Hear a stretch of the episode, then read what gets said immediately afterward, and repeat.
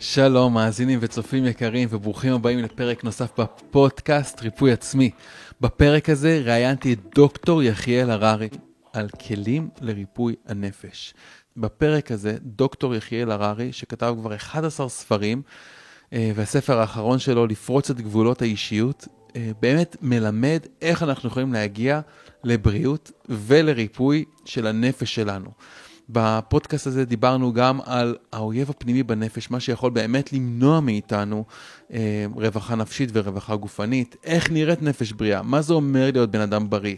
בסוף הפרק ממש אה, ארזנו את הכלים האלה לפרקטיקה מאוד מאוד ישימה, גם לאורך הפרק הזה האמת, ומה שקיבלנו בפרק הזה זה באמת עצות וכלים לאיך לרפא את הנפש שלנו, איך לראות יותר טוב את הדברים שקורים לנו, מהם שתי הכוחות שפועלים בנפש שלנו ואיך אנחנו יכולים באמת להגיע למצב של חיבור, של שקט נפשי, של הרמוניה. אה, בכל תחומי החיים שלנו. בסופו של דבר, גם הגוף שלנו וגם כל מערכות היחסים שלנו, כל החיים שלנו בעצם מושפעים מהנפש שלנו, ואנחנו בפרק הזה צללנו פנימה כדי להכיר יותר טוב ממה הנפש שלנו מורכבת, ואיך אנחנו יכולים להבין יותר טוב את מה שאנחנו עוברים פה בעולם הפנימי והבלתי נראה הזה. אז כל הפרק הזה בעצם מאפשר לגורמים הבלתי נראים בנפש שלנו להיות יותר נראים וברורים. אז אני מאחל לכם צפייה והאזנה נעימה, נשמע את הפתיח ונצלול פנימה לפרק המדהים הזה עם דוקטור יחיאל הררי. אה כן, אם אתם עדיין לא נרשמתם לערוץ שלי, אז uh, אני מזמין אתכם ללחוץ על הקישור המתאים ולהירשם. אם אהבתם את הפודקאסט הזה או את הסרטון הזה, תלחצו על לייק, תנו איזה דירוג ברשתות ותעזרו לאלגוריתם לה, להעביר את המסר הזה לכמה שיותר אנשים ולהביא ריפוי עצמי לעוד אנשים. תודה רבה ומעריך את כל השיתופים שלכם ואת כל הפרגונים שלכם ואת כל הדעות שאתם שולחים לי ואת כל התיוגים אה, ואת כל התיוגים שלכם, כל מה שאתם מתייגים אני גם כן משתף ומעלה באינסטגרם שלי. אה, ואם יש לכם שאלות או דברים שאתם רוצים לכתוב לי, אני אשמח לשמוע מכם. אוהב המון וניפגש ממש אחרי הפתיח. ברוכים הבאים לפודקאסט ריפוי עצמי, שיחות לרווחה נפשית וגופנית. מחקרים מראים שלגוף שלנו יש את היכולת לרפא את עצמו, אבל ריפוי הפך להיות משהו מסובך, קשה ותלותי מדי. עם הפודקאסט הזה אני מכוון להפוך ריפוי עצמי למשהו קל, פשוט ונגיש. ריפוי עצמי היא תוכנית שנותנת כלים, השראה וגישות חדשות על מנת לתמוך ולהגביר את היכולת הטבעית של הגוף ושל הנפש שלנו לרפא את עצמם. אני דן לוסטיג, המנחה של הפודקאסט הזה. לפני 11 שנים ריפאתי את עצמי מבעיה שהרופאים הגדירו כמחלה כרונית לכל החיים, ומאז יצאתי למסע של מחקר שבו גיליתי כלים ותובנות שאפשרו לי לרפא את עצמי בכל כך הרבה מובנים. מאז אני מטפל, מלמד ומכשיר מטפלים ברפואת על, שיטה מבוססת מחקרים שמטפלת באופן ממוקד בגורמים הרגשיים שמייצרים סטרס ומחלות ומאפשרת להגיע לרווחה נפשית וגופנית ביעילות ובמהירות. ריפוי עצמי? מתחילים.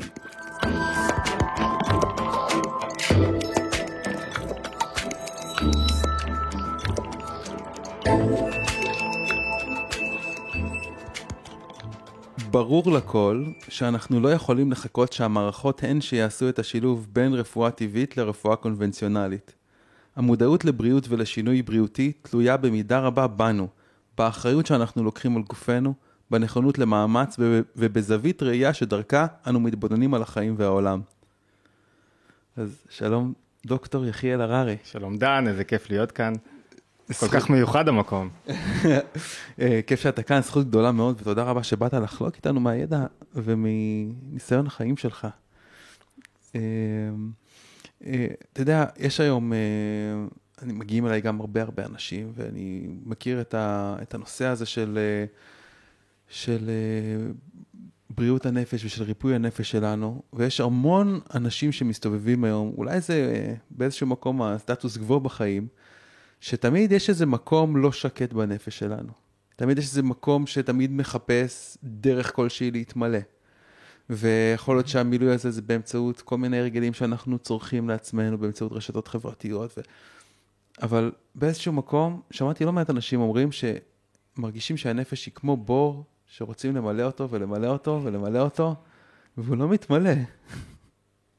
אני יודע שיש אלטרנטיבה, אני יודע שחוויית החיים לא חייבת להיות ככה, אמ, אבל אה, רציתי לשאול אותך איך אתה רואה את הנושא הזה של אה, מה בכלל צריך לתקן, מה בכלל צריך לרפא. אתה יודע- בבריאות הגוף זה מאוד פשוט. בריאות הגוף, אתה, אתה מסתכל מאחורה על המרכיבים, עשית לי קפה קודם. מסתכל על המרכיבים, אתה רואה יותר מדי אי כאלה ודברים שאתה לא מכיר, אתה אומר, בואנה, את זה אל תיגע. כן. כי משהו כאן כנראה לא בריא לך. בבריאות הנפש זה בדיוק הפוך. זאת אומרת, בבריאות הגוף, מה שטבעי, זה טוב. להחזיר את הגוף למצב הבר- הטבעי, ויש המון שיח על זה, האם טבעי לנו לאכול בשר או לא, וניסיון לברר, והאם טבעי לי לרוץ יחף או לא. זאת אומרת, חוזרים לטבעיות, ואז ככל שהגוף אוכל, ניזון, אתה שומר עליו בצורה טבעית יותר, הוא חזק יותר ובריא יותר. בנפש המצב הוא בדיוק הפוך. המצב הטבעי, הרבה פעמים, הוא של רעש, של מידות לא, לא רצויות, של כל מיני... זה טבעי לי להיות עצוב, טבעי לי להיות עצבני, טבעי לי להיות אגוצנטרי. הרבה פעמים משתמשים בדוגמה של ילד, תראה את הילד איך הוא שמח בלי שום עבודה, אבל זה לא ממש מדויק, כי הילד מאוד אגוצנטרי בטבע שלו, הוא לא רואה אף אחד אחר. האגוצנטריות הזאת, בהתחלה טוב לו עם עצמו, אחרי זה הוא משלם עליה מחיר. זאת אומרת, בנפש העבודה היא לא איזה קללה ולא איזה קושי, אלא חובה על כל אדם. אדם שלא עושה על עצמו עבודה, אז הוא לא יכול להתפתח, ולא יכול להרגיש טוב, ולא יכול לשמוח, ולא יכול לחיות את החיים במלואם. זאת אומרת, אם אני חוזר למה שאמרת, כאילו זה מצב, זה דיפולט, שכאילו יש לך איזה בור בנפש, איזה אתגר, איזה רעש, ואתה צריך כל הזמן רגע, למ... כאילו יש איזה משהו שאתה צריך לפתור שם. האתגר הגדול, התיקון הגדול זה שאתה מודע, שאתה מברר, שאתה לוקח אחריות ואתה הופך את ה... אתה יוצא כאילו, אתה לא טבעי, זאת אומרת, הנפש אומרת, אתה חייב לתקן, אתה חייב להתמודד, אתה חייב לראות אחרת את הדברים. והרבה אנשים קשה להם עם זה, כי הם לא רוצים את זה ככה, אתה יודע, למה דווקא עכשיו אני סובל? למה פתאום, אף פעם לא היה לי דיכאון, למה עכשיו עם דיכאון? אף פעם לא היה לי אה, חסך או חרדות, למה יש לי עכשיו? נו, כי, כי זה התבשל והגיע עכשיו, אבל זה חיכה שם תמיד. כן. מתי שיש אה, דיכאון או חרדות או מצב שקשה בנפש, אז יש גם מוטיבציה לשינוי. אה, ואני מאמין של, שלפעמים ה, ה, אולי, יש פה אנשים אולי ששומעים את זה באמת חווים את המציאות הזאת בחיים שלהם, ויכול להיות שיש פה אנשים ששומעים את הפודקאסט הזה, שהם נמצאים במקום שבאיזשהו מקום הם, הם בסדר. הם, יש להם את האורח חיים שלהם, יש להם את ההרגלים שלהם, בא- באיזשהו מקום הנפש במצב שהיא די די בסדר, ואולי אין שם את המוטיבציה להגיע למקום שהוא... אה, אה, טוב יותר, נקי יותר, שלם יותר, אז תגיד, ל- מה, מה, מה... הכי גרוע זה קרירות ואטימות. כן, כי אתה, דקרת בדיוק את הנקודה. כן. כשמשהו כואב לי, בוא נחזור רגע לבריאות הגוף. כשמישהו פתאום גילו לו איזה מחלה מסוימת. כן, אז המחלה יכולה להיות מתנה עבורו. למה מתנה עבורו? כי הוא פתאום לומד לברר מה אכלתי, מה שתיתי, איך אני צריך לש- לשמור על הגוף שלי. זה כאילו מעורר אותו מה להבין. גורם לי הדבר הזה בנפש שלי, איך אני ואם יכול הוא לשפר את נתלה על, על רופאים ורק על תרופות וזה, אז הוא כאילו לא עשה את הבירור. הוא כאילו חוסך כן. מעצמו את המאמץ. כן, בעבודה הנפשית זה המצב המקביל הוא קרירות, שפתאום האדם אין לו איזה מחלה, לא כואב לו שום דבר, לא קשה לו שום דבר, אבל הוא לא מתרגש מהחיים, הוא לא חי באמת, הוא לא מתעורר, הוא לא, אין לו תשוקה, אין לו חיות, החיים כאילו עוברים לידו, ואז הוא מחפש כל מיני חלופות, אולי חלופות חיצוניות לו, כדי לעורר את עצמו, אז הוא עושה שייט בהודו וטרקינג, ו... שזה הכל בסדר. אבל הוא מחפש חלופה להתרגשות שהיא אמורה להיות בתוך הנפש בדברים חיצוניים, והוא לא מוצא אותה, ולמה הוא לא מוצא אותה הרבה פעמים, או אנחנו לא מוצאים אותה? כי, כי, הנפש, מחפשים במקום הלא נכון. כי הנפש חייבת, חייבת תזונה נכונה, חייבת תזונה אמיתית שתעורר אותנו. זאת אומרת, אם אני ככה נוגע, לפני שנגיע לנקודות של איך, זה, זה לא שיש לך איזה פתאום בעיה ואתה אומר, אתה יודע, בגוף יש לי איזה בעיה, אז בוא נטפל בה עכשיו. לא, מלכתחילה צריך להזין את הנפש בתזונה הנכונה.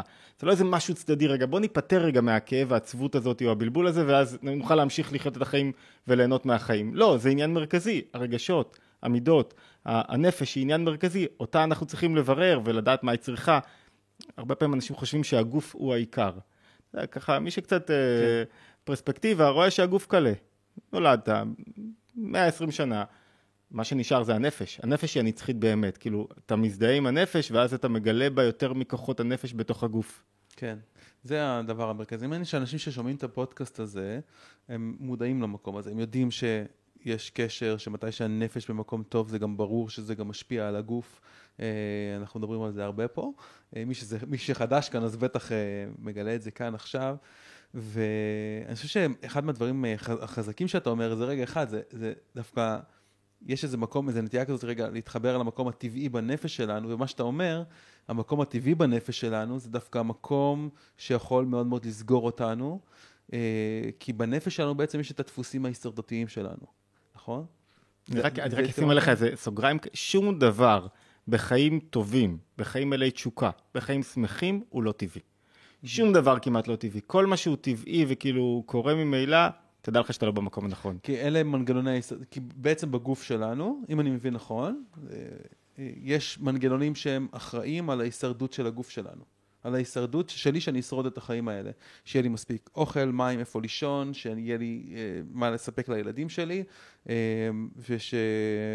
ושאני לא ייהרג או ייאכל, או, או שאני לא אסיים את, את, את החיים האלה. והכוחות האלה, יש בהם חלק מאוד משמעותי בתוכנו, וזה בעצם הטבע שלנו, זה מה שאפשר לנו לשרוד כל כך הרבה שנים. אני אני חושב שאם... ביהדות קוראים לזה טיפה. ביהדות קוראים לזה אולי הנפש הבהמית. מהמם. אה, אתה יכול אה, אז שנייה אחת להבין, להס- להסביר לנו שנייה אחת למה אתה מתכוון שאתה אומר להתנגד לטבע שלנו? אז אני חושב שמה שטבעי הרבה פעמים אצל האדם, זו, מה שתיארת, הנפש הבהמית, זו אגוצנטריות. זאת אומרת, אני במרכז, מגיע לי, טבעי שמגיע לי, טבעי שאני רוצה יותר, כן. טבעי שיהיה לי אוטו חדש, טבעי שאני ארוויח יותר. מה זה טבעי? זה מה שמגיע לי זה אני במרכז. כן. זה, זה נקרא גם הנפש הראשונה, כי היא הראשונה להתגלות.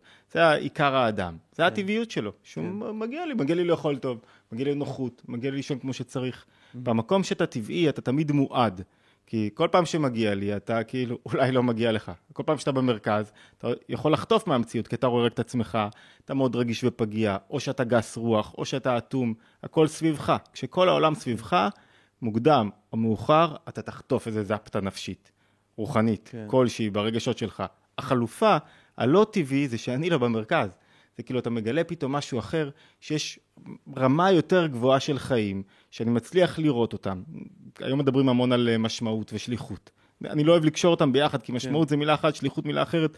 משמעות הרבה פחות חזקה לטעמים משליחות, אבל כשמישהו פתאום יוצא רגע מעצמו ויש לו משהו גבוה יותר, יש לו מסר, יש לו רעיון, יש לו השפעה, כשהוא נע בתנועה הזאת, אז הכוח שלו להשפיע, הכוח שלו להיות בריא הרבה יותר גדול, כי הוא לא עסוק בעצמו כל הזמן.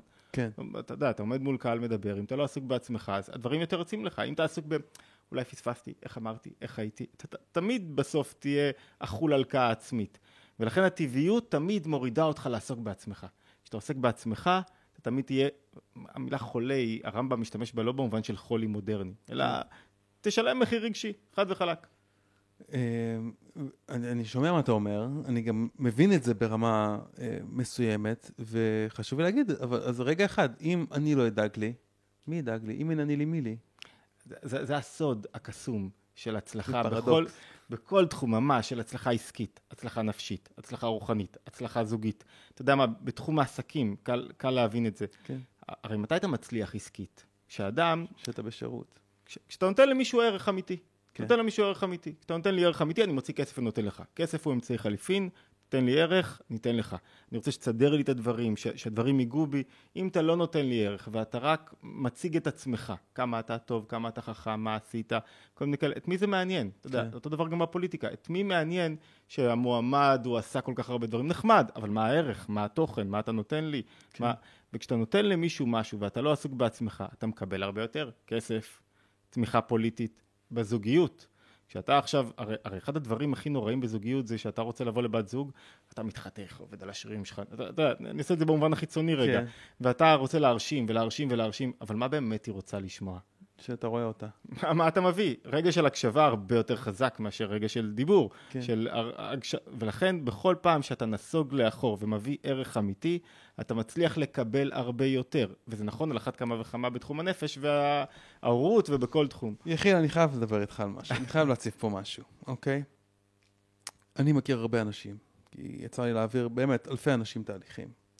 ואחד מהדברים שהמקומות שאנשים הכי מורידים אותם בחיים שלהם, זה מקום שהם קוראים לו הרבה פעמים מקום של ריצוי. זאת אומרת, במקום שהם הם, הם מיישמים את הדברים שאתה אומר. הם מיישמים את המקום הזה שאומר, אני, אה, אני לא אחשוב על עצמי, אני אחשוב רק על בן הזוג שלי ובת הזוג שלי.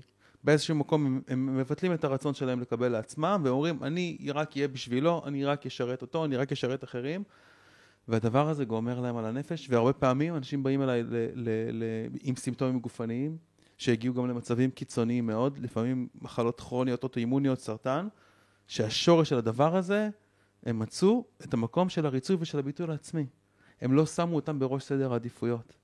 ובמקום הזה, אה, אז אתה יודע, אם אני מיישם את מה שאתה אומר לפשוטו, שאני רגע מבטל את עצמי, את הרצון שלי לקבל לעצמי, אני מבטל את, ה, את הצורך האינדיבידואלי שלי לדאוג לי ואני חושב רק על אחר, אחרים, אז אה, הרבה פעמים אני פוגש שזה לא, לא, לא מגיע ממקום נכון, ואני לגמרי גם יכול להתחבר למקום של מתי שאני רואה את עצמי, ואני חושב איך אני יכול להיות בעבור אחרים, ואני שם בשירות, אני חושב שזה באמת המעלה, אחת המעלות הכי גבוהות שיכולות להיות לבן אדם, אני חושב. זה מקום שיכול מאוד מאוד גם למלא אותי. מה ההבדל בין מקום של ריצוי לבין מקום של אני באמת שם ב... ב...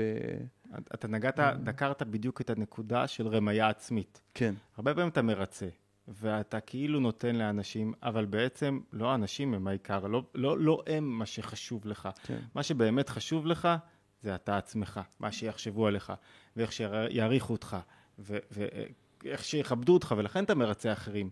אתה רואה הרבה פעמים אנשים שהם סובלים מרגישות יתר כלפי הזולת, מאוד רגישים כלפי הזולת, ואז מה הבעיה שאני רגיש כלפי הזולת? הבעיה היא לא שאתה רגיש כלפי הזולת, זה שאתה, במקום שאני מרגיש יש הרבה אני. לכן אני מרגיש, זאת אומרת, אני מרגיש את עצמי, אני מלא ישות. והרגשות הם, צריך לשלוט בהם במאוד בעדינות, כי כשהם בעוצמה גדולה מדי, זאת אומרת שיש לך ישות גדולה מדי, ואתה מה אתה מזמין? אתה רוצה שיחשבו עליך דברים טובים, ולכן אתה מרצה. אתה מזמין אנשים אליך ועושה שולחן, ויוצא מגדר הרגיל, למה? כי אתה רוצה שיעריכו אותך מאוד.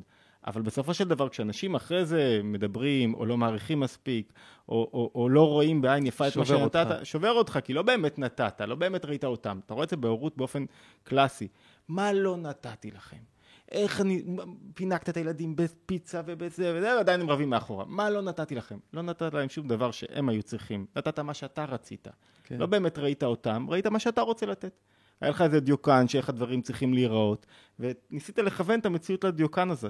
ולא באמת שחררת, ניסית להבין רגע מה הערך האמיתי שהם צריכים ממך כרגע, זאת אומרת לא היה באמת מי שהיה מוכן למכור ממך, לקנות ממך את הערך שהבאת לעולם, ולכן זה לא באמת, הריצוי הזה זה לא באמת שראית היה לך איזה משמעות גבוהה או שליחות גבוהה, או זה כל כולך עוסק בעצמך, שיעריכו אותי.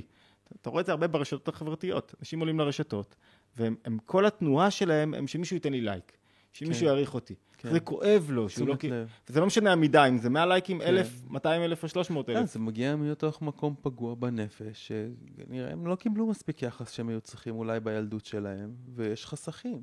אתה יודע, אחד הדברים המעניינים בתורת הנפש היהודית, שהיא לא כל כך עושה עניין מהילדות וכולי, באופן mm-hmm. הזה, ש, שאם אמרנו שזה טבעי, טבעי להיות אגוצנטרי, טבעי כן. שאני ארצה שיכבדו אותי, כן. טבעי שאני ארצה, עכשיו אם אני רוצה שתכבד אותי, יש לי כמה אפשרויות, או שאני ארצה אותך, וייתן לך מתנות, ויפנק אותך וכולי, או שאני אאיים עליך, או שאני אנסה לשלוט בך, או שאני אפעל בכל מיני דרכים כדי לקבל ממך את מה שאני צריך. זאת מניפולציה וזאת מניפולציה. כן, שתאשר, ש... אני צריך שאתה תאשר את הקיום שלי. זאת בעצם נתינה בתחפושת.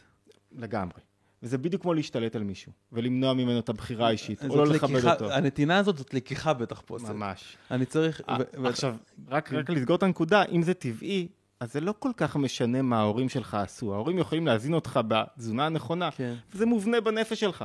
זאת אומרת, תפסיק להשאיר את ההורים, קח אחריות על החיים. זה חלק טבעי ממה שכל אדם צריך לעשות. כן. כי אתה רואה אנשים שיוצאים עם ההתמודדויות הללו מבתים כאלה ובתים כאלה, אבל ככל שהחינוך נתן יותר מזון רגשי, זאת אומרת, עזר לילדים להבין מה קורה להם בפנים, מהי הטבעיות ואיך אני יוצא מאותה טבעיות נפשית, אז, אז ההורים בעצם מילאו את התפקיד החינוכי שלהם, ההורים, המחנכים, בצורה הנכונה ביותר. וכשזה לא קורה, אז אתה רואה מישהו שיכול להגיע לפסגות העשייה, אבל בפנים הוא מרוט ו- ומשלם מחירים כבדים, ו- וקשה לו מאוד עם עצמו ועם החיים, והוא לא באמת חי אותם עד הסוף, אלא במקרים מצומצמים שבהם הוא מצליח להתמקד במשהו, ואז הוא שוכח מכל השאר. כן. דיברת על נושא של ריצוי כמקום שאני רוצה שמה ש... כדי לקבל הערכה, שיעריכו אותי ושיראו אותי וש... אה, שיעריכו אותי, אחד מהדברים שאני, שיוצא לי לפגוש לא מעט זה מקום של ריצוי מתוך פחד שאני אשאר לבד, מתוך פחד שלא יאהבו אותי. אה, יש לי מורה שקוראים לו אברהם ליפשיץ, הוא אמר משפט כזה, את מה, ש, את מה שצריכים לא, זור, לא, לא זורקים. אז אני עושה דברים ואני אני, אני במקום של ריצוי והרבה הרבה מש, מאמץ אני משקיע אה, כדי שיצטרכו אותי, כדי שלא יעזבו אותי, כדי שאני לא אשאר לבד. הרבה פעמים מגיע מתוך הפחד הזה. אז, אז איך נראית נתינה אמיתית? אז, אני, אני גם לא, לא כל כך עף על המילה נתינה. כן. זאת אומרת, כי המילה נתינה זה כאילו, אני, אני אולי אשתמש רגע במונחים כן. של תורת הנפש היהודית, ו, כן, כן. כי, כי לגמרי, אתה, אתה, אתה מדייק לגמרי בנקודה הזאת, זה ממש, אבל אני חושב שהרעיון המרכזי של האדם, כל פעם שאני הרי חושב לעצמי, אה, רגע, אני אהיה בודד, או ההפך של זה, אני רוצה תשומת לב, אז הכל אני, אני עדיין רוצה אני, אני בואו תעריכו אותי. אנחנו חוזרים לטבעיות, בואו תראו אותי, שלי יהיה מקום, שמישהו יאשר את הקיום שלי, שתעריך אותי. שיהיה שאתה- לי טיפה ביטחון בעולם שיהיה הזה. לי מקום בעולם. והחלופה, החלופה, הדרך היחידה לצאת מזה, זה שאני מרכבה למשהו אחר. זאת אומרת, זה לא אני. אני עכשיו, אנחנו מדברים, כן. אם אני אעסוק רגע במה אתה חושב עליי, איך אתה מעריך אותי, אז אני, אז אני כל כולי אנסה להרשים. אני מנסה רגע, אם אתה מקדם עניין, אתה תוך, כל אחד מאיתנו מרכבה לתוכן מסוים. כשאתה מספר סיפור, כשאתה מחייך, כשאתה מדבר, אתה, אתה מוביל משהו כן. לעולם. ואם זה מה שמעניין אותך, אז אתה לא חשוב כל כך. ואם אתה לא חשוב כל כך, אז אתה לא יכול להישאר לבד. כי אתה מקדם משהו פנימי, אתה צינור למשהו, וכשאתה כן. צינור למשהו, אין... אתה יודע, יש... לבדידות יש שני היבטים. יש בדידות שהיא מכלה את הנפש, והיא קשה, והיא המקור לדיכאון, ואתה חושב שאתה לבד לעולם, ויש צד שני של בדידות. היכולת שלך להיות לבד היא... זה נקרא לבדיות בשפתו של הרב יוסף דוב לוי סולובייצ'יק. זה היכולת שלי להתעלות ולהיות עכשיו רגע להגיד, העולם לא שולט בי, והמציאות לא שולטת בי, ויש לי מקום רגע להתחבר למשהו יותר פנימי, להיות רגע עם עצמי. אדם שלא יודע להיות עם עצמו, לא יודע להיות עם אחרים. זה כמו ההתבודדות של רבי נחמן. ממש כך, כי זה רגע של שחרור אמיתי. Mm-hmm. זה, אתה יודע, כל גדולי ישראל, אם אני הולך כזה, כל גדולי ישראל היו רוצים זמן לעצמם. כן. אתה עם עצמך, אתה מתפתח ואתה לומד, ויש הבדל מהותי בין שניהם. כן. הבדידות החיצונית, אני תלוי כל הזמן, אני כל הזמן צריך אישור, מה... אני צריך שאנשים רק יראו רק אותי. שאני לא אהיה לבד. רק, אה, אתה יודע, אדם יכול להיות לבד גם בתוך זוגיות כן. ובתוך הורות, ו- וזו תנועה שהיא מאוד טבעית. הלבדיות השנייה, אני מחפש רגע לבד עם עצמי. כן. רגע שבו אני יכול רגע ללמוד, ואז לגלות את כוחות הנפש שלי. ואם אנחנו חוזרים למונח שרציתי להשתמש בו, אז נתינה היא אולי, לא יודע אם זו הנתינה, המילה המרכזית, למרות שהיא מאוד חשובה ומאוד כן, חזקה, כן. אלא השפעה. השפעה. יש לי משהו להשפיע, וזה כוחות הנפש שלי להשפיע. כן. כן. אני לא צריך תירוץ למה אני רוצה להופיע בפודקאסט שלך. באתי לך אליך, עד כמעט נתניה. למה? אני רוצה לדבר. מה, אני כיף. צריך עכשיו, לא, אני רוצה במה, אדם צריך לארגן לעצמו זירות להביע את המסרים שלו. כן. בדרך כלל מתביישים, אתה יודע, עד שלא... כן, עד שלא, עד שלא יזמינו אותי אני לא בא. כן. עד שלא יפתחו לי את כל הדלתות אני לא בא. ואם. זה לא מערכת הראשונה במעלה, ישראל היום, אני לא מדבר. מה זאת אומרת? יש לך מסר, תחפש את הזירות, אתה לא יודע במי... אה, וזה לא משנה גם במי תפגע. כי אתה לא עושה את זה בגלל הנתינה. כן. נתינה זה התולדה. אתה עושה את זה כדי לגלות את כוחות הנפש שלך, וכל אחד בתחום שלו. כמה שזה חשוב, המקום הזה של ביטוי. להיות במקום שבו אני יכול בביטוי של מי שאני, או בביטוי של, אה, של, של משהו. אתה אתה יודע, אם אנחנו מוסיפים על זה עוד איזה סוגריים קלים, כן. אם אתה מרשה לי, אז אני חושב שאחד המקומות הכי חזקים שמתאפשרים לנו היום להתבטא, זה הרשתות החברתיות, והם יצרו מהפכה, כי מאפשרים לכל אדם, אם הוא לומד להשתמש בהם נכון, אם הוא לא לומד להם להשתמש בהם נכון, זה, זה הוא צרכן, הוא צרכן חסר ישע. קטסטרופה, זה פשוט יהרוג לו את הנפש, והוא ישלם מחירים רגשיים ח- קשים מאוד, יש כבר מיליון מחקרים, אני לא צריך, לא צריך אותי כדי להגיד את זה. כן. אבל אם הוא לומד להשתמש נכון ברשתות, הרשתות זה ממש גאולה ואמצעי לפגוש אנשים חדשים ולייצר תוכן ולהשפיע וגם לקבל. זאת אומרת, לקבל כן. במובן של ללמוד. הרבה אנשים עולים כדי, או ב, בשל בידור או כדי לראות מה חשבו עליהם. אבל אם אתה באמת יודע ואתה לא נעלב מכמות הלייקים, אתה לומד להשפיע בלי להיות כן. תלוי במקבלים, זאת אומרת, יש היום, אתה יודע, אפשרויות אינסופיות לאדם למצוא אפיקי השפעה. השפעה יכולה להיות גם בגן ילדים, במפגש ברחוב, בשיחה מסוימת, אבל הרשת היום היא, היא כל כך בולטת באפשרות ההשפעה שלה, שהיא מאפשרת לכולם לגלות יותר כוחות, רק צריך לעשות את זה נכון. לא נכון זה... לגמרי. זה או שאתה הופך להיות צרכן חסר ישע, אתה מושפע, או שאתה משפיע. מהמם. זאת אומרת, יש לך מרחב שיכול לאפשר בהחלט בהחלט ביטוי ברשתות האלה. זה כלי שיכול להיות מדהים ויכול להיות הרסני. לגמרי. אמ, יש משהו שאתה אומר שאני רוצה לשים עליו שנייה אחת את התשומת לב ואת הזרקור, כי בסופו של דבר, אתה אומר, הטבע של הנפש שלנו הוא כזה שרוצה לקבל לעצמו, ומהמילים שלך אני שומע, יש פה איזה, יש פה איזה סוג של קרב פנימי כזה. בין ביני או בין ה... אה, אה, עוד מעט אני אשמע על הצד השני, כן? על הצד השני, מה, זה, מה, מה יש מעבר, אה, ל, מה יש מעבר ל, ל, לנפש הטבעית שלנו, אה, אבל אני שומע איזה מקום של קרב. ואני חושב שאני מכיר אצלי את החלק הזה מאוד טוב, את החלק הזה שרוצה לקבל וש, ושחשוב לו לקבל אהבה והכרה ו, גם לי באופן אישי, אינדיבידואלי, אני דן האינדיבידואל, מאוד מאוד חשוב לי שנגיד התלמידים שלי, שמשקיעים אצלי את, את האמונה שלהם, משקיעים אצלי גם כסף, משקיעים אצלי, משקיעים בעצמם, כן? ת, עושים פה תהליכים והם סומכים עליי שאני אקח אותם דרך, לי מאוד מאוד מאוד חשוב שבסוף הדרך שלהם הם יהיו מרוצים. אם הם לא מרוצים, זה כואב לי, זה מפריע לי, אוקיי? ואני חושב שלהיות במקום של רגע, אני לא מושפע מהתוצאות שלהם, אני לא מושפע... מצד אחד זה נכון שאני חופשי מהתוצאה, כן? כי זה המסע שלהם, זה לא המסע שלי, זה החיים שלהם, זה... אבל, אבל באיזשהו מקום חשוב לי שהם יגיעו לתוצאות. זאת אומרת, זה חלק שכל כך מניע אותי וגורם לי לעשות יותר ממה שאני מתחייב, וגורם לי להתחייב לדברים, ו- ומקדם אותי מאוד מאוד מאוד.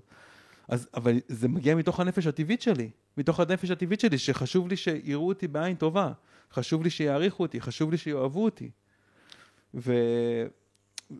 ואני חושב שיש מקום לחלק הזה בתוכי. אני, אני, אני רוצה רגע לחדד, להחזיר אותנו לדיון. הדיון היה כן. על בריאות נפשית. כן. ודאי שחשוב לי מתוצאות, ודאי שאני רוצה שכמה שיותר אנשים יקשיבו.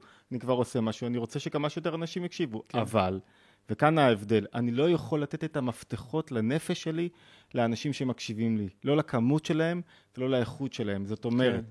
אני לא יכול לתת את המפתחות, את השליטה על המצב הנפשי שלי, על המצב רוח שלי, על איך שאני קם בבוקר מחייך, האם אני ממשיך לעשות פודקאסטים או לא, למספר המאזינים, או לתגובות של אנשים מסוימים. כן. אם צריך לשפר, אני אשפר, אבל אני לא יכול ש... העלינו פודקאסט, לא היו לו צפיות. פתאום אז אני אומר לעצמי, אז אני לא שווה, אז בשביל מה אני אעשה? כן. לא יכול להיות. או, או, או, או עשיתי טיפול מסוים, והאדם עמוס התמודדויות, ולא הגיב לי, ולא אמר לי איזה מילה טובה, אז עכשיו אני נעלב, ואני חושב שאולי אני לא מטפל טוב, ואני חושב שאני לא מספיק ראוי. אתה לא יכול לתת את זה. זאת אומרת, אם אנחנו חוזרים לנושא של בריאות נפשית, אדם בריא נפשית, אם אנחנו מחדדים, זה אדם כן, איך נראית נפש בריאה. כן. נקודה חזקה שהוא לא נשלט, אתה יודע, במילה אחת שהוא לא נשלט, לא על ידי הרגשות שלו, לא על ידי מצבי רוח, הוא מעורר רגשות. הרגשות הם המנוע שלו, הם מה שדוחפים אותו קדימה, הם מה שגורמים לו עכשיו לרצות לעשות יותר. הוא מלא תשוקה גם אם היה לו 15 כישלונות אתמול, וזה חתיכת עבודה. זאת כן. אומרת, אם אני נשלט על ידי התגובה שלך, אם תגיד לי, היית טוב, לא היית טוב, אתה בקלות, אתה עכשיו, אתה יודע, מרים אותי, מוריד אותי, אתה שולט בי כמו עם ג'ויסטיק. אני לא יכול לתת לך את המפתח הזה לנפש שלי ולעשייה שלי וליצירה שלי. כי יכול להיות שעכשיו איתך לא הצלחתי, איתו אני אצליח מאוד. זה, כן. זה מאוד שונה. זאת אומרת, אני חייב לשמור על עצמאות, על המנוע הרגשי שלי. ואיך נראית נפש בריאה? קל מאוד לשרטט נפש בריאה. אדם שלא מרגיש את עצמו, כנראה הנפש שלו בריאה. אדם שלא מרגיש כאב מסוים. איך אנחנו מרגישים כשטוב לנו? כשאנחנו פעילים. שאתה לא, לא פתאום עכשיו, אוי, איזה עצבות, איזה חרדה, זה נדיר, זה רק לפרקים מסוימים. אבל כשאתה קם בבוקר מלא חיות, תסתכל על הילד שלך, או הילדה. כן. אתה רואה אותה קמה בבוקר, שש בבוקר, ורוצה לעשות, רוצה ליצור, רוצה לפעול, יש פה משהו בריא. כן. אתה רואה אותה קמה ב-12, נמרחת, לא בא לי, יש פה משהו שהוא בעייתי, מנורה אדומה. כן. במנוע שאומר, לא בא לה עכשיו לכבוש את העולם, לעשות איזה משהו, לבנות עוד שיעור, לעשות עוד יצירה, לעשות עניין. זאת אומרת, בריאות נפשית מתבטאת, אם אנחנו הולכים עכשיו אחורה, או פנימה, תוך המבנה, האנטומיה של הנפש, היא מתבטאת בכך שכוחות הנפש מתגלים בהרמוניה בגוף. היעדר בריאות, חולי, שהוא המצב היותר טבעי בנפש, בניגוד, כפי שאמרנו בהתחלה, חולי זה כשכוחות הנפש יש איזו חסימה באופן שבו הם מתחברים עם הגוף. יש איזו חציצה. הפסוק הוא מחצתי ואני ארפא, שיש איזה משהו שמונע מהכוחות שלך להתגלות. בפשטות, אתה יודע, שמישהו יש לו איזה עכשיו אה, רגש של אה, כעס או סטרס. אתה רואה שהכוחות הנפש שלו, הרגשות שלו, הכעס משתלט על הנפש, וזה לא מתגלה בגוף שלו, אין לו איזה נינוחות ומנוחת נפש. מנוחת נפש זה לא שאני עכשיו שקט ומדבר לאט, אלא, אלא שיש לי אנרגיה שהכוחות מתגלים בי בצורה אנרגטית כל הזמן, שאני שומר על אנרגיה ביצועית גבוהה, הוא כל הזמן מתגלה נכון, אין לי יותר מדי מידות שמתגלות בי, ואין לי פחות מדי, שאז אני עייף ומדוכא וחסר חיות. זאת אומרת שהיעדר בריאות זה חוסר חיבור נכון, וזו משימה מתמדת, זאת אומרת זה לא חד פעמי. אתה לא כאילו ריפאת איזה איבר ואתה נשאר איתו. כל הזמן אתה צריך לשמור על, ה, על, על הג'ויסטיק, על השלט הזה, כאילו שיהיה לך רגשות שמתעוררים נכון, שהשכל שלך יפעל נכון, והשכל, כשאני אומר, אני לא מתכוון לשכל הלוגי, אלא להבין את המציאות, לראות אותה נכון, להבין איך הדברים, שיש לך שליחות גבוהה בחיים שלך. אתה צריך שכל המרכיבים הללו בנפש יהיו קיימים אצלך ואתה מודע להם כל רגע ב- למשהו אחר, ואם אתה לא מודע להם זה פתאום יכול להתפרק לך. ואתה, אה, כל, שני דברים קורים ואתה אומר למה הכל וכולם נגדי כל הזמן. אז אז דיברת קודם על, על הנפש הטבעית שלנו. איזה עוד נפש יש בנו? הנפש השנייה, אדמו"ר הזקן, רבי, כשכתבתי לי לנצח כל רגע מחדש, אמ, אחד הדברים ש, שאנשים הפריע להם זה, למה אתה מדבר בלשון של מלחמה? למה לדבר, למה לא לדבר בלשון הרמונית ואיולית וכאילו, והאמת, כי יש בנו מאבק פנימי. ואם אנחנו לא מודעים אליו, אז אנחנו הרבה פעמים מאבדים את היכולת לייצר תודה, תודעת אויב, מי באמת מאיים עליי ומי שם. אלא שהניצחון במלחמה, לפעמים אתה לא צריך להילחם ככה, לפעמים אתה לומד להילחם על ידי הרפאיה, על ידי העברת דברים, על ידי לא להיות עסוק בדברים מסוימים. הנפש השנייה, עם הנפש הראשונה, שרטטנו אותה כטבעית, כראשונה, מאוד אגוצנטרית, מאוד אני, אייפון. כן. מה חושבים עליי? הנפש השנית היא בדיוק אחרת לחלוטין. יש לה תודעה שהיא מחפשת אחדות בתוך המציאות. כן. אחדות לא במובן הפשוט, אני, אחדות בתוך כל הדברים שעברתי בחיים שלי. מחפש לראות בכל רגע, אחדות קשורה במיקוד. כשאני מתמקד, אני כאן ועכשיו, אני מתאחד עם משהו. אני לומד משהו. אתה לא יכול לקרוא ספר אם אתה לא מצליח לכבות כל מיני ערוצים פתוחים בחיים. אז אני מתמקד, אני עכשיו כאן ועכשיו. כשאני כאן ועכשיו, התאחדתי עם הדבר. אני מקשיב לך. אם הראש שלי בורח לכל מיני מקומות. המחשבות זורמות, אני לא איתך. אם אני לא איתך, אין בינינו אחדות. אני, אני חייב להקשיב לך. אותו דבר, אתה, אתה עושה משהו, אתה מנסה לראות מה האדם מולך צריך. אז הנפש השנית, כל הדחיפה שלה היא לייצר אחדות ומיקוד בתוך המציאות, והיא יוצרת את זה על ידי זה שהיא בעצם מסלקת, היא אומרת, רגע, רגע, נפש בהמית, יש לך צרכים, נכון שאתה צריך הרבה דברים, שים רגע את עצמך בצד, ותנסה רגע להסתכל על מה התכלית שלך כאן, מה התפקיד שלך כן. כאן. וכשהיא עושה את זה, היא מגלה לנו משהו מתוק מדבש. אתה פתאום מתאחד עם הרגע. ואז יש רגע קסום של מפגש עם אנשים, מפגש עם מקומות, שאתה חי באמת. הרמוניה בגילוי כוחות הנפש. איך קוראים לנפש הזאת? נפש אלוקית. נפש בשפת- אלוקית. בשפת התניא. כן, בשפת היא ה- אלוקית, בשפת התניא, כן, כן. שפת התניא, שפת הארי הקדוש. כן. למה היא אלוקית? כי היא מגלה משהו, משהו, הרי המחשבה היהודית אומרת, בסופו של דבר יש ריבוי של פרטים בבריאה, וריבוי של פרטים בתוך הנפש. ואני יכול לאהוב את אשתי ואחרי רגע להתגרש, לרצות להתגרש, ואני יכול להיות שמח ועצבני בו זמני, וכאילו אני כן. משנה מצבי רוח, ויש בי כמה וכמה. בסופו של דבר, אם אתה מגלה את הכוח הזה של הנפש, היא שוזרת את כל הפרטים בחיים שלך, בנפש שלך, בריבוי הדברים, והכל מגלה איזה נקודת אחדות. זה כמו שכולנו הבנו משהו, הבנת איזה. נקודה. פתאום נהיית אחדות על ידי הבנה של רעיון שכלי. אז האחדות הזאת מתגלה בחיים, היא יוצרת, אני חושב שאפשר לתאר אותה כדבר, כמתיקות. אתה יודע, היית פעם כן. באיזה מופע והרגשת אחד מכולם, כן. כאילו כולנו ביחד, או, או, או לפעמים השפעת והרגשת שכולם איתך, דיברת מול קהל, והרגשת שממש כולם מקשיבים, כולם איתי. כן. פור, מתגלה פה שם משהו. תודה אחת. אחדות. אחדות יש בה מתיקות ועונג מאוד גדול, שיורד לתוך המציאות עצמה, יותר לתוך החיים עצמם, ואז יש בה גם מנוחת נפש. אז, אה, אז, אז, אז מה שאתה בעצם אומר זה שיש בנו את הנפש הטבעית שלנו, ו, וברמה העמוקה יותר יש את, את הנפש שלנו שמחוברת למקום של אחדות.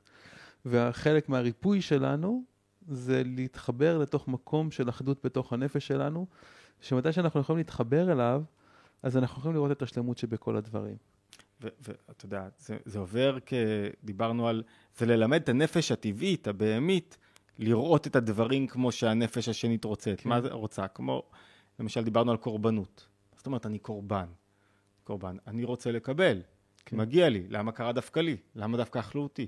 למה דווקא אני לא קיבלתי? זה, אני, אני בתודעה של קורבן, אני בתודעה של יניקה, תודעה שאני לא במקום הנכון שלי, שאני צריך להיות במקום אחר, בזוגיות אחרת, בעבודה אחרת. ב... זה לא המקום שלי, ו- וזה אחד המאפיינים, אתה אמרת בהתחלה, הכי, הכי בולטים ב- בהוויה של חוסר בריאות נפשית. כן, כולנו חווים את זה. מה החלופה? מה מציעה בעצם הנפש השנית?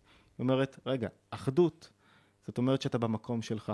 כן. אתה בזמן שלך. אם תנסה רגע לראות מה הם, מה מרחב האפשרויות שלך כאן, ולמה אתה בדיוק כאן, ומה אתה יכול להוציא מהמקום הזה, ואיזה שליחות ועבודה יש לך כאן, ותפסיק להיות קורבני, תראה שמתוך המקום הזה אתה לא רק יכול לצמוח, פה גופה יש לך כל כך הרבה יהלומים, אתה פשוט דורך עליהם וצועק איי.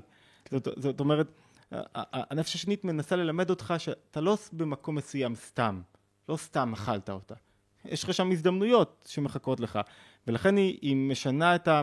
היא מחייבת את האדם לקחת אחריות, והיא מחייבת לאמץ תודעה לא טבעית של התבוננות, לימוד, הבנה, היא לא מתעוררת סתם כך. זאת אומרת, אם אני חוזר לתיאור שלך, הנפש הטבעית, הבהמית, מציפה אותי.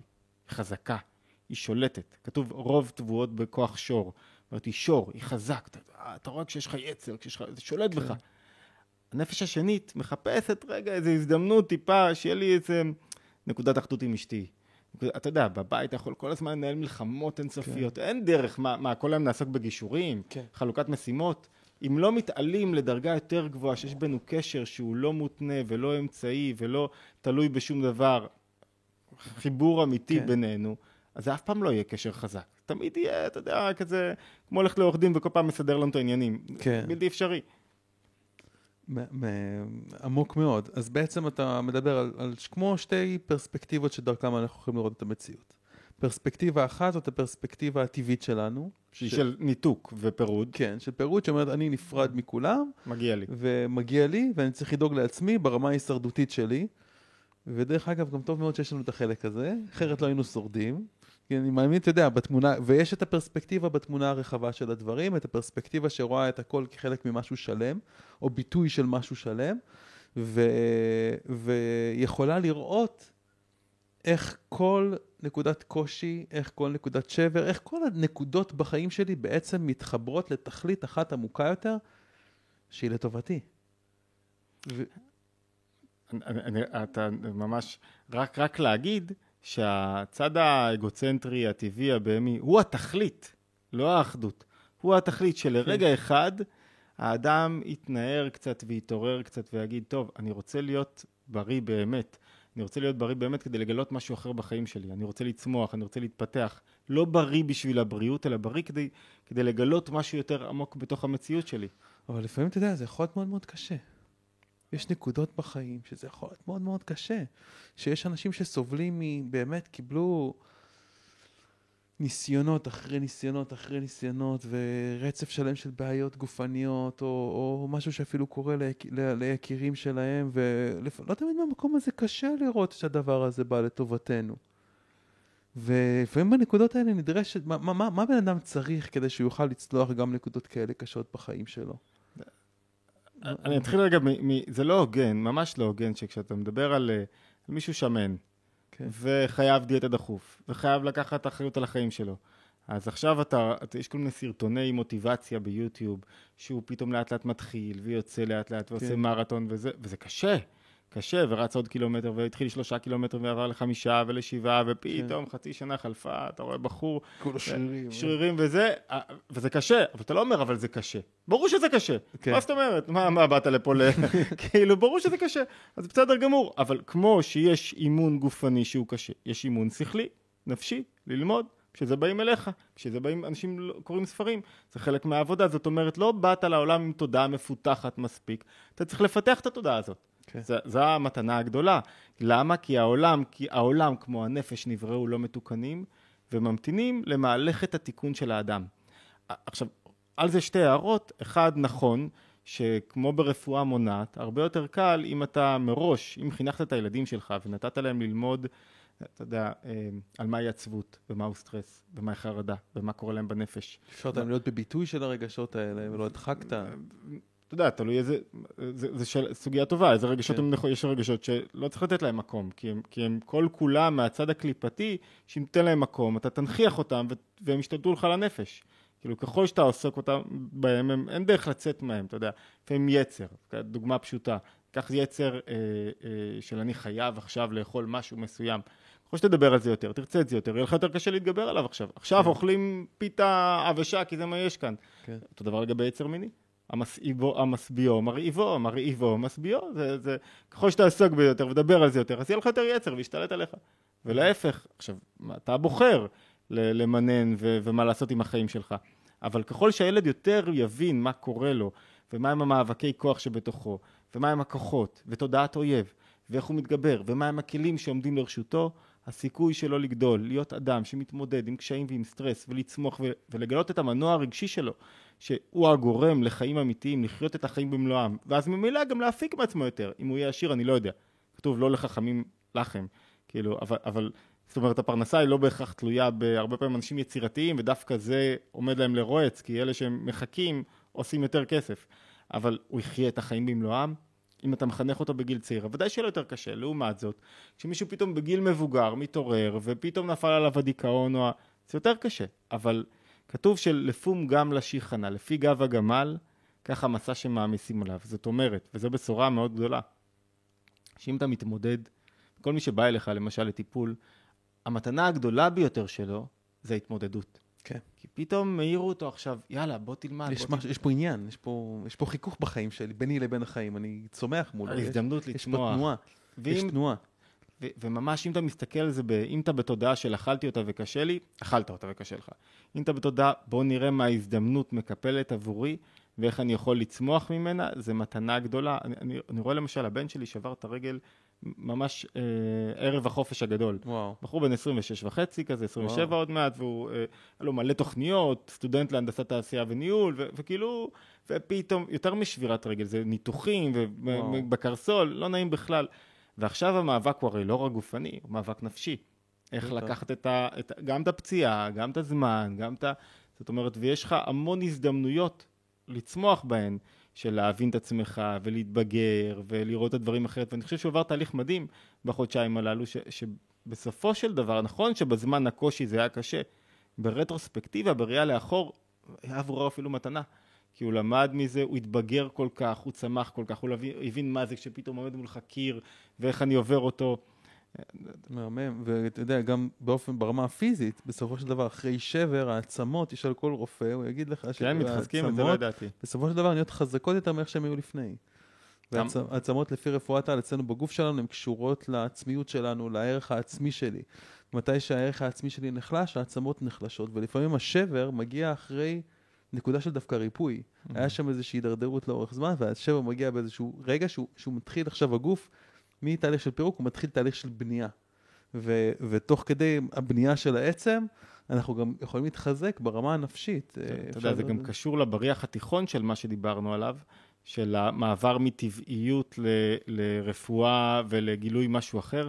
כי כשמה קורה לך כשאתה נשבר? יש לך שתי אפשרויות, או להגיד למה קרה לי, אכלתי אותה וכולי, חצי, ואו לפרוס ידיים ולשחרר קצת. כן. להגיד, אוקיי, יש לי פה, זה, זה לא אני בעל הבית על כל העסק הזה. וכשאתה משחרר קצת, אתה פתאום נפתח לך משהו חדש, כן. כן. הזדמנות חדשה. כי כל פעם שאדם חייב שהמציאות תראה כמו שהוא רוצה, אז כל פעם מתאגרף עם המציאות. כשהוא לומד לשחרר, הוא מגלה את המתיקות שבתוכה, ואת ההזדמנויות שהיא מקפלת עבורו, והוא לא חייב לשלוט בכל דבר, הוא עושה, יוצר, אבל זה לא שהוא לא רק אחראי לתוצאות, זה, זה כאילו לפעמים בריחה מ, מלהשיג משהו נוסף. כן. אלא שהוא פתאום מתגלה לו מרחב שלם של דברים שהוא בכלל לא תיאר לעצמו. אני מקווה, החלפתי אתמול לאייפון. שעה טובה. החלטה נכונה. מאנדרואיד ואני מקלל כל רגע. כן, גם אני התחלתי לקלל. כלום לא עובד לי, לא הוואטסאפ נמחקו, הבלוטוס לא עובד, בנסיעה אני מנסה להפעיל את הווייז, זה לא עובד, זה לא עובד, אה, לא מצליח לחזור לאף אחד. מיליון עניינים, ואמרת לי את זה בדיוק. אתה תראה. שבסוף... בסוף אתה תודה על זה. יכול להיות, אני חושב שגם אם אני לא יודע על זה, יכול להיות שאני עוד אה, כמה חודשים אזרוק את האייפון, אגיד, טוב, כפרות 4,000 שקלים, יאללה, בוא, נמשיך הלאה, אבל זה בהחלט מבחן טוב לאיך מעוררים מנוחת הנפש, ומתמודדים כן. עם רגע שדברים לא הולכים כמו שאתה רוצה ולא זורמים כמו שצריך. כן, זה, מכיר את הנקודה הזאת טוב, בפרטים שלה. אז, אה, אז בעצם, איך אנחנו, אז דיברנו על, על, על מה זה אומר בעצם תיקון הנפש, זה להיות במקום שמהמצב הטבעי שלנו, אנחנו יכולים להתבונן במצב הטבעי של הנפש שלנו, שרוצה לעצמו ואת המצב ההישרדותי, להיות, איך אנחנו יכולים יותר להיפתח למקום שיכול לראות את ה... נקרא לזה לראות את השלם. או- תראה, זה שתי שאלות. אחת, היא מתי אדם משתנה. כאילו, אולי, אולי ניקח לנו עוד מעט כמה נקודות איך, מה כן. צריך לעשות, אבל לפני כן, מתי אדם משתנה? את האמת שאין תשובה אחת. ככה, זה, זה, זה יותר מניסיון, אני יכול להגיד, לפעמים מישהו שומע הרצאה טובה, בום, פוגע בו, והוא אומר, יאללה, אני הקטנתי את אשתי ואת הבית שלי, ואני רוצה עכשיו ל... ו- ו- והושעיתי אני עצמי בהשקפה נוראה, רוצה... לפעמים הוא חוטף כאפה מהמציאות. פתאום, או משהו קרה לו גופנית, ואז זה מחייב אותו להתבגר, או שאשתו אומרת לו, והפוך, לא משנה מה, אחי, גמרנו, אני לא יכולה לסבול יותר את הבעל הנרגן, העצבני, הלא נעים הזה, הממורמר הזה, העצוב הזה, אתה, אתה חייב לעבוד על עצמך. אם לא, קח את הפקלאות לך הביתה, אז אז הוא לומד, ואם הוא לא ילמד, הוא ילמד בזוגיות השנייה. או שהוא חוסך לעצמו את כל הייסורים, והוא פתאום, אתה יודע, מתחיל ללמוד, להתפתח מעצמו, להתעורר. אתה לא יודע מה, מה יהיה, אם חסכת את הייסורים, אם השתנית לפני האיסורים, חסכת אותם, איזה כיף. אבל אם היית נדרשת לאיסורים, אז לפעמים הכאפה תעורר אותך, אז אתה לא יודע מה יעורר מישהו, לפעמים מדבר עם מישהו, אתה רואה לא נגע לא פגע, אני, אני בטוח שאתה מעריך את זה אצלך. כלום לא, הוא אטום, הוא עסוק בעצמו, הוא לא מצליח להבין דברים בסיסיים לגבי ההלקאה העצמית, לגבי האופן שבו הוא מתנהג עם הילדים, לגבי איך שהוא רוצה שהילדים שלו ייראו, אבל אז, לאחר זמן, אתה יודע, כשמספיק ככה עסק בתכנים, פתאום נפל לו האסימון. כן. פתאום קולט, יכול להיות שנה, שנתיים, שלוש, חמש. אתה לא יודע. תשמע, אנחנו גם חיים היום בסביבה כזאת ובמציאות כזאת שהנפש הטבעית שלנו כל הזמן מופעלת. זאת אומרת, כל הזמן יש על מה לדאוג. בין אם זה ברמה הכלכלית, שהמחירים עולים, ובין אם זה ברמה המדינית או ביטחונית, או לא, לא חסר דברים פה, במיוחד בישראל, במיוחד במציאות שבה אנחנו חיים פה במדינת ישראל, לדאוג, לדאוג עליהם. או שיפעילו את הפחדים אצלנו בנפש ו... ויקחו אותנו למקום, אה, אה, לא יודע, הישרדותי יותר, של פחדים יותר. וממה שאתה אומר, מה שאני מבין ממה שאתה אומר, זה שדווקא עכשיו, בזכות הקשיים האלה שיש בחוץ, זה בדיוק המקום שבהם ה... ה... ה... מה שאתה קורא לו הנפש האלוקית שלנו, הנפש, החלק בנו שרואה את, ה, את, ה, את האחדות בדברים, יכול להתחזק עוד יותר אפילו. אתה, אתה, אתה אומר את הדברים, ובתוך מה שאתה אומר מקופלת גם התשובה. הרי מעולם לא היה טוב יותר לעם היהודי בפרט ולעולם בכלל. מעולם העולם לא היה ב, כן. בתנועה של שפע גשמי יותר גדולה. כן. מעולם לא היה יותר ביטחון, פחות אנשים. אתה יודע, בא, בא, לך איתך 75 שנה אחורה, פתאום שישה מיליון יהודים נרצחים. כן. לך לכל פרעות, והילד יוצא לבית ספר, אתה לא יודע מה, מה הוא יחזור, מה נכון. יהיה איתו. זאת אומרת, נכון. מעולם, וככל שטוב לנו יותר, החרדות גדולות יותר, כי כשיש לך, יש לך מה לאבד. אתה בעצם מפחד, רגע, מה עם כל ה-wealth, מה עם כל ה... כן. מה שיש לי ואני אאבד אותו, ולכן התודעת שחרור, אתה, הרי אתה מכיר אנשים עשירים שהם כל הזמן מפחדים, כן. שזה יאבד להם. חרדות כלכליות. ו- ויש לו, וכשמישהו אין לו, אז אין לו חרדות כלכליות, כאילו, לא היה לי אתמול, גם לא היה לי, היום. כאילו. אז, אז כל הזמן רגע, ו- ואחד האתגרים הגדולים זה באמת, זה נושא לשיחה נפרדת, לייצר ביטחון בתוך עולם של חוסר ודאות, כי כן. העולם חסר ודאות, אתה לא יודע מה יקרה עוד רגע, בשום כן. מקום, בשום זמן. כן. וזה הקאט של העולם, שאין כן. לך שום ודאות, הרי על זה חברות הביטוח חוגגות. נכון. כי הן רוצות לייצר לך ביטחון, אבל הביטחון האמיתי שאתה צריך לייצר הוא בנפש. תנועה של ביטחון יתנו, היא, היא המפתח לשלוות נפש. כשאני אומר שלוות נפש ול-no stress, שלוות נפש זה לא אני זומבי, אלא... אני לא מוטרד רגע מה יקרה עוד רגע, יבוא עוד רגע, אני אטפל בעוד רגע. עכשיו אני פה, עכשיו אני פה, יש לי את כל מה שצריך כדי להצליח, כדי לפעול, כדי לגעת בדברים. הבנת רגע האמת אתה קורא לזה. ממש, או, זו נקודה חזקה. אתה יכול להסביר את זה? אתה יודע, הרבה פעמים, אתה, אתה ראיתי איזה מישהו מעשן. כן. וביחד, כאילו, חבר שלי עישן לידי, וביחד ראינו מישהו שחלה ב... שנראה לא טוב. כאילו, אתה רואה שהסרטן אוכל אותו. כן. ואני שואל אותו, מה קרה ל... אז הוא אומר לי, נו, סרטן הריאות, מה, אתה לא רואה? ואתה יודע, אתה מסתכל, והרי מה הוא אומר לעצמו? לי זה לא יקרה. אין קשר אמיתי בין הסיגריה שאני מעשן לבין אה, המחלה. אין קשר באמת בין מה שאני אוכל, שאני אוכל אה, ג'אנק, לבין מחלות. אתה, אתה בעצם מפרק את האחדות בין הדברים, ורואה את הפירוד. אין קשר באמת בין איך שאני מדבר לאשתי לזה ובין זה שהיא בסוף תזרוק אותי, או בין זה שהילד שלי יקום עם חרדות לבין איך שאני מדבר בבית. אנשים, לפעמים פוגש אנשים, מכניסים בלחץ היסטרי וסטרס לתוך הבית, על, לפעמים על שטויות, זה לא משנה מה, אם זה שטויות או לא, כן. ו- ואתה רואה את הילדים אחרי זה מרטיבים, והם שואלים, מה אני יכול להגיד לילדים שלא יהיה לו יותר סטרס? מה אתה יכול להגיד? מה אתה לא יכול להגיד לילדים? אם יהיה, אין, אין משפט שתגיד לילד, והוא יותר לא יהיה בחרדות, או בטיקים, או בבדידות, כן. תפסיק להכניס סטרס הביתה. ז, זאת אומרת שהמבחן האמיתי הוא ב- באמת להיות מסוגל להבין שברגע הזה הניצחון הוא קריטי. זה לא משהו שיקרה בעתיד, זה לא בעבר, זה לא עכשיו. עכשיו. עכשיו החלטת שאתה עכשיו מדבר אחרת, חושב אחרת. עכשיו החלטתי שאני בוחר מה לאכול. כל רגע ורגע. בלי התודעה שזה הרגע הזה, ואתה יודע, הרבה פעמים אנשים צריכים לפצות את עצמם. כשאתה מפצה את עצמך, אתה אומר, רע לי, היום שלי היה רע, הכל לא הלך לי כמו שצריך, אני צריך לפצות. כשאתה משנה השקפה, כל היום הוא היה טוב, אני לא צריך לפצות שום דבר. כאילו, אני אוכל כי אני רעב. אני לא מחפש לפצות את עצמי. כן. מנגנון הפיצוי הוא, הוא מנגנון של הנפש הטבעית, של הנפש שכל הזמן מגיע לה משהו כי היא הקריבה משהו. כשאתה בתודעה של, וואלה, היה לי טוב פה, היה לי טוב פה, ופה, נכון שהיה קשה, והתאמצתי, ואתגרי, ולא תמיד דברים הלכו חלק, אבל כאן הייתי צריך להיות, אז אני גם לא במנגנון פיצוי. זה, זה אחד האתגרים הגדולים להבין שהרגע הזה דורש את הניצחון. באוכל, בתזונה, בתודעה, באיך שאתה מדבר, באיך שאתה חושב, באיך שאתה רואה את אשתך. ואיך שאתה רואה, אם רגע אחד אתה מרשה, אתה יודע, זה, זה, זה, זה לא דוסי, זה האמת. אם רגע אחד אני מרשה לעצמי אה, שירה, אז ענת פתאום מאבד את היופי ואת ה... ואת ה... לא הכל הדבר הכי חשוב לי בחיים. באותו רגע אתה חוזר עם זה אחרי זה, לא ניצחת את הרגע, אתה חוזר עם זה אחרי זה הביתה, אשתך לא עומדת בקנה מידה של מה שראית שם, או של, או של, ואז נוצר פירוד מסוים ביניכם, והוא מחלחל בנפש.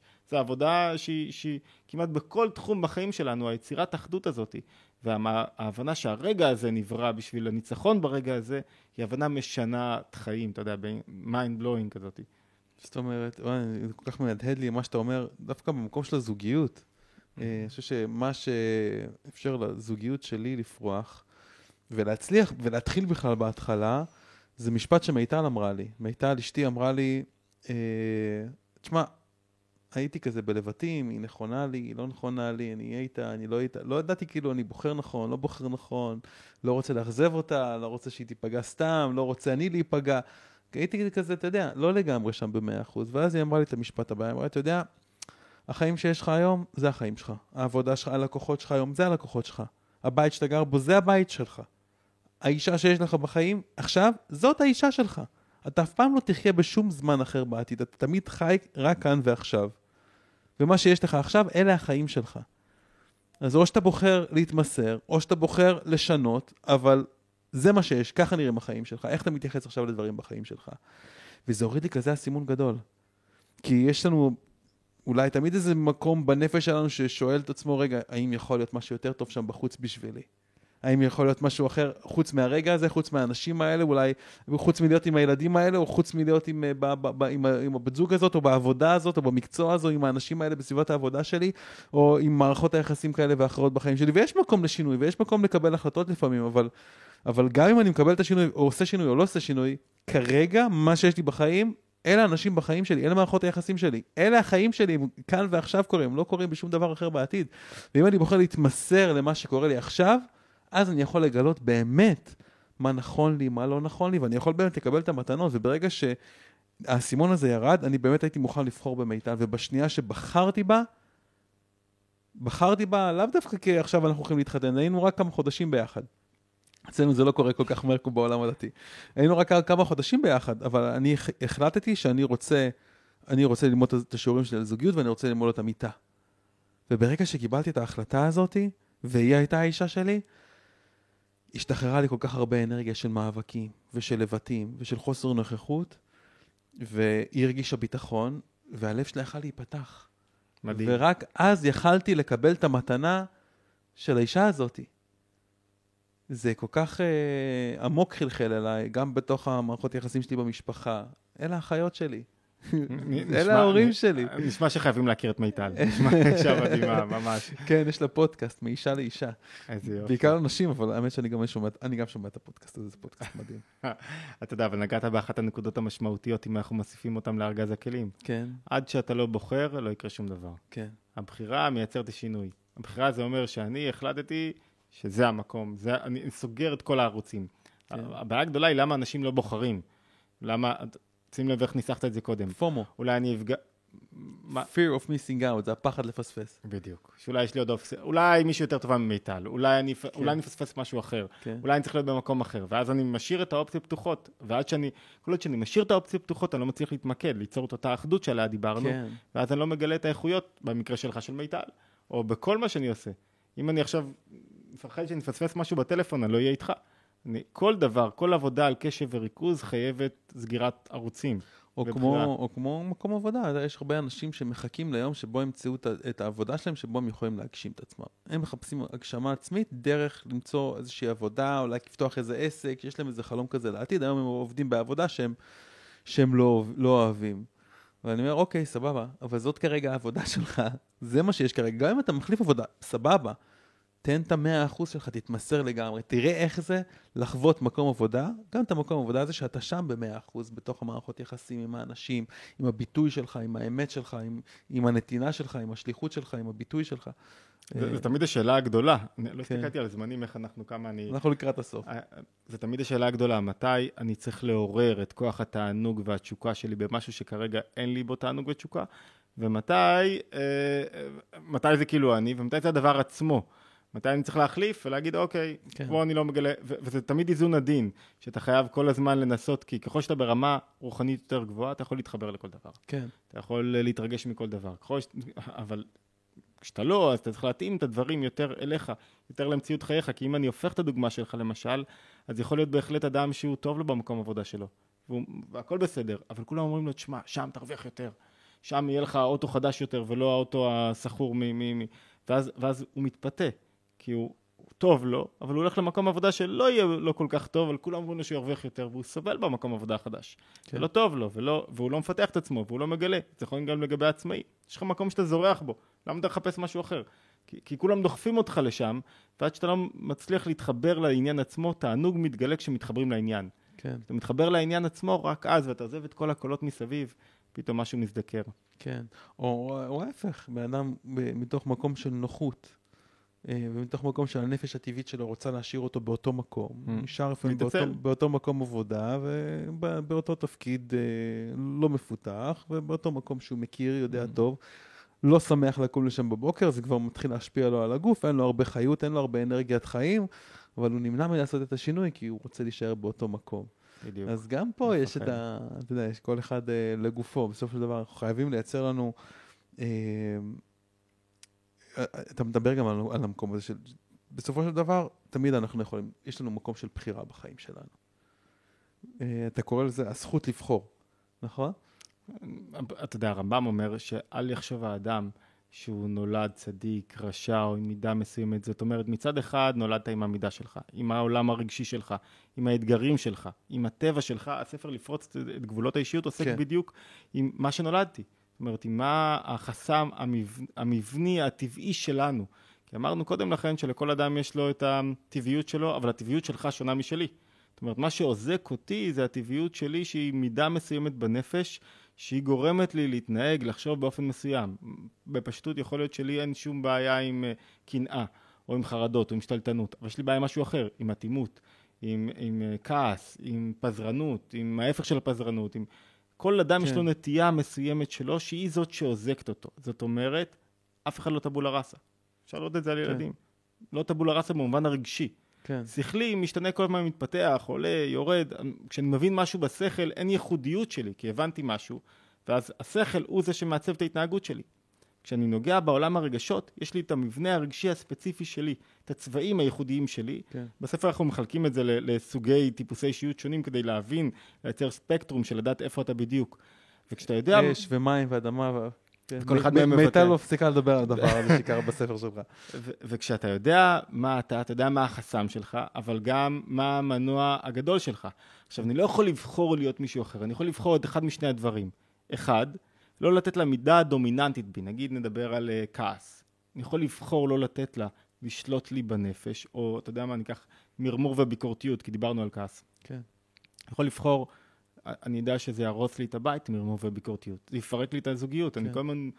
אבל אז אני מבין גם מה המנוע הגבוה של מרמור וביקורתיות. אני רוצה יותר שלמות, אני רוצה את הדברים ברמה יותר גבוהה. כן. אני רוצה לשאול למה, אני רוצה להבין מה המנוע, מה, מה... אני, אני, רוצה משהו יותר גבוה במציאות. לא מוכן להסתפק במה שיש. כשאדם בעל מראה שחורה הוא לא מוכן להסתפק.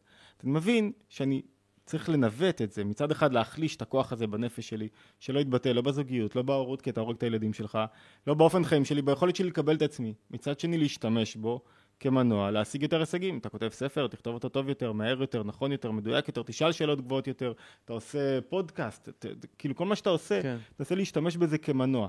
זאת אומרת, הבחירה היא לא להיות מישהי שאני לא, אלא אחד, לא לבטא את התנועה בעוצמה בצורה השלילית שלה, ושתיים, להשתמש בעצמה כמנוע שמברר לי את הלמה שלי, מה המנוע הגבוה שלי אה, בחיים. אני מת כבר למצוא את החלק הזה בספר.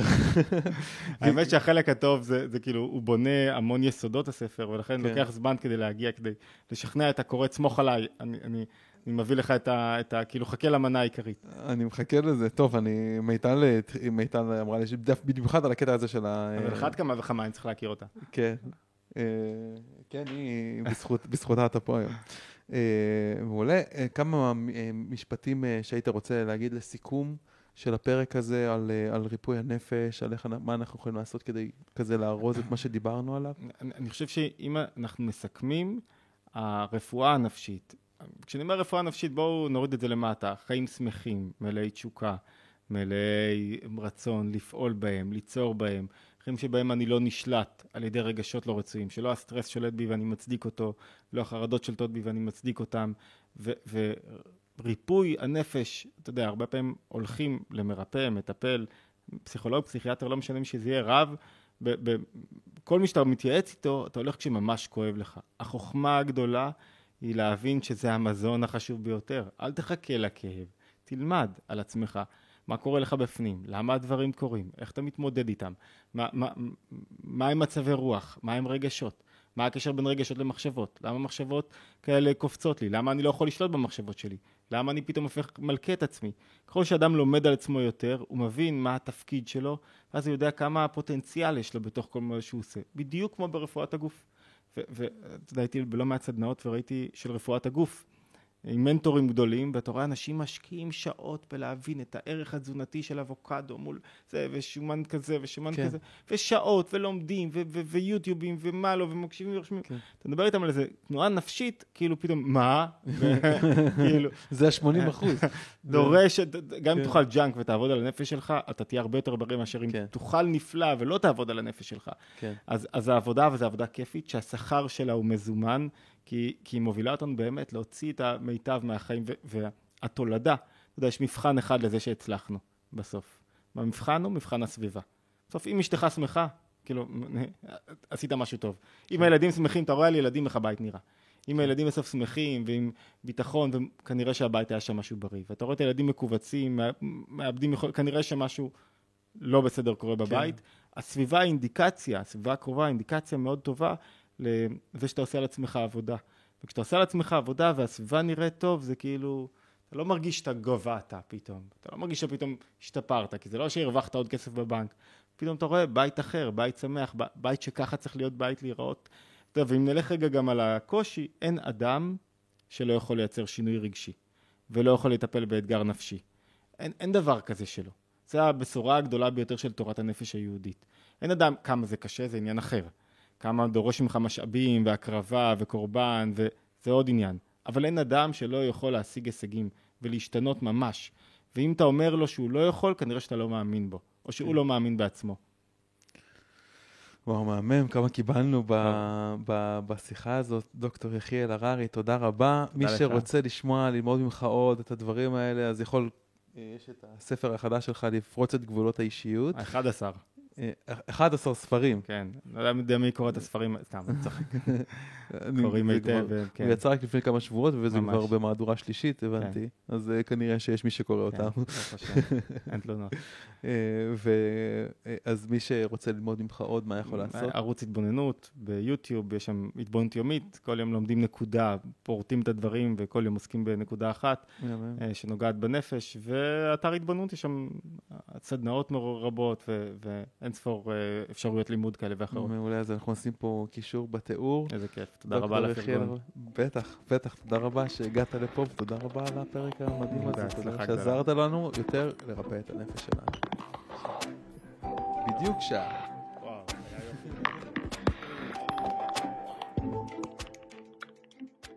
זהו, עד לכאן הפרק של היום. אם אהבתם את הפרק, אל תשכחו לדרג את הפודקאסט ב iTunes, Spotify, Google Podcast, SoundCloud, YouTube או בכל פלטפורמה אחרת שדרכה אתם מאזינים לנו כרגע.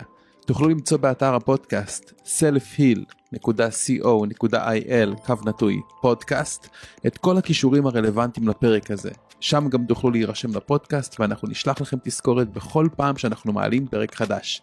נרשמים באתר selfheal.co.il. אני מזמין אתכם לכתוב לי תגובות, מה אהבתם, את מי תרצו לשמוע בפרקים הבאים, או כל הערה והערה אחרת שיש לכם. מוזמנים לשלוח לי ישירות למייל, דן, שטרודל, selfheal.co.il, או בפייסבוק שלי, facebook.com, קו נטוי, רפואת על. אם אהבתם את הפרק הזה, אל תשאירו את כל הטוב הזה רק לעצמכם. בטוח שיש לכם חברים שרוצים גם לרפא את עצמם. שתפו אותם ושלחו להם את הפרק הזה. ומילה אחרונה אבל חשובה, אם קיבלתם השראה מהפודקאסט ואתם מרגישים יותר רווחה נפשית וגופנית, החלטתם שאתם רוצים לרפא את עצמכם או להוביל תהליכי ריפוי, ואתם רוצים ומוכנים לעשות את מה שצריך כדי לגרום לזה לקרות, אני מזמין אתכם לבדוק את תהליכי העומק וההכשרות המקצועיות שלנו באתר selfil.co.il. אני דן לוסטיג, שמח שהאזנתם לפרק, ונשתמע בפרק הבא.